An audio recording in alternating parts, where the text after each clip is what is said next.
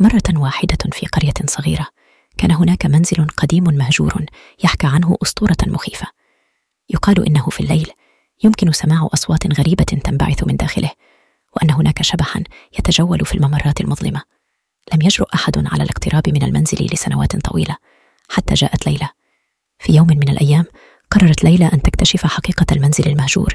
ارتدت معطفها وحملت مصباحا قويا وانطلقت في رحلتها المثيرة.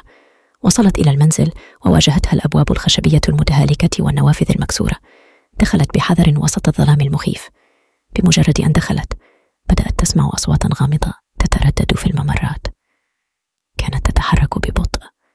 تجاوزت الغرف القديمة والسلالم المتهالكة. وفجأة رأت شبحا يظهر أمامها.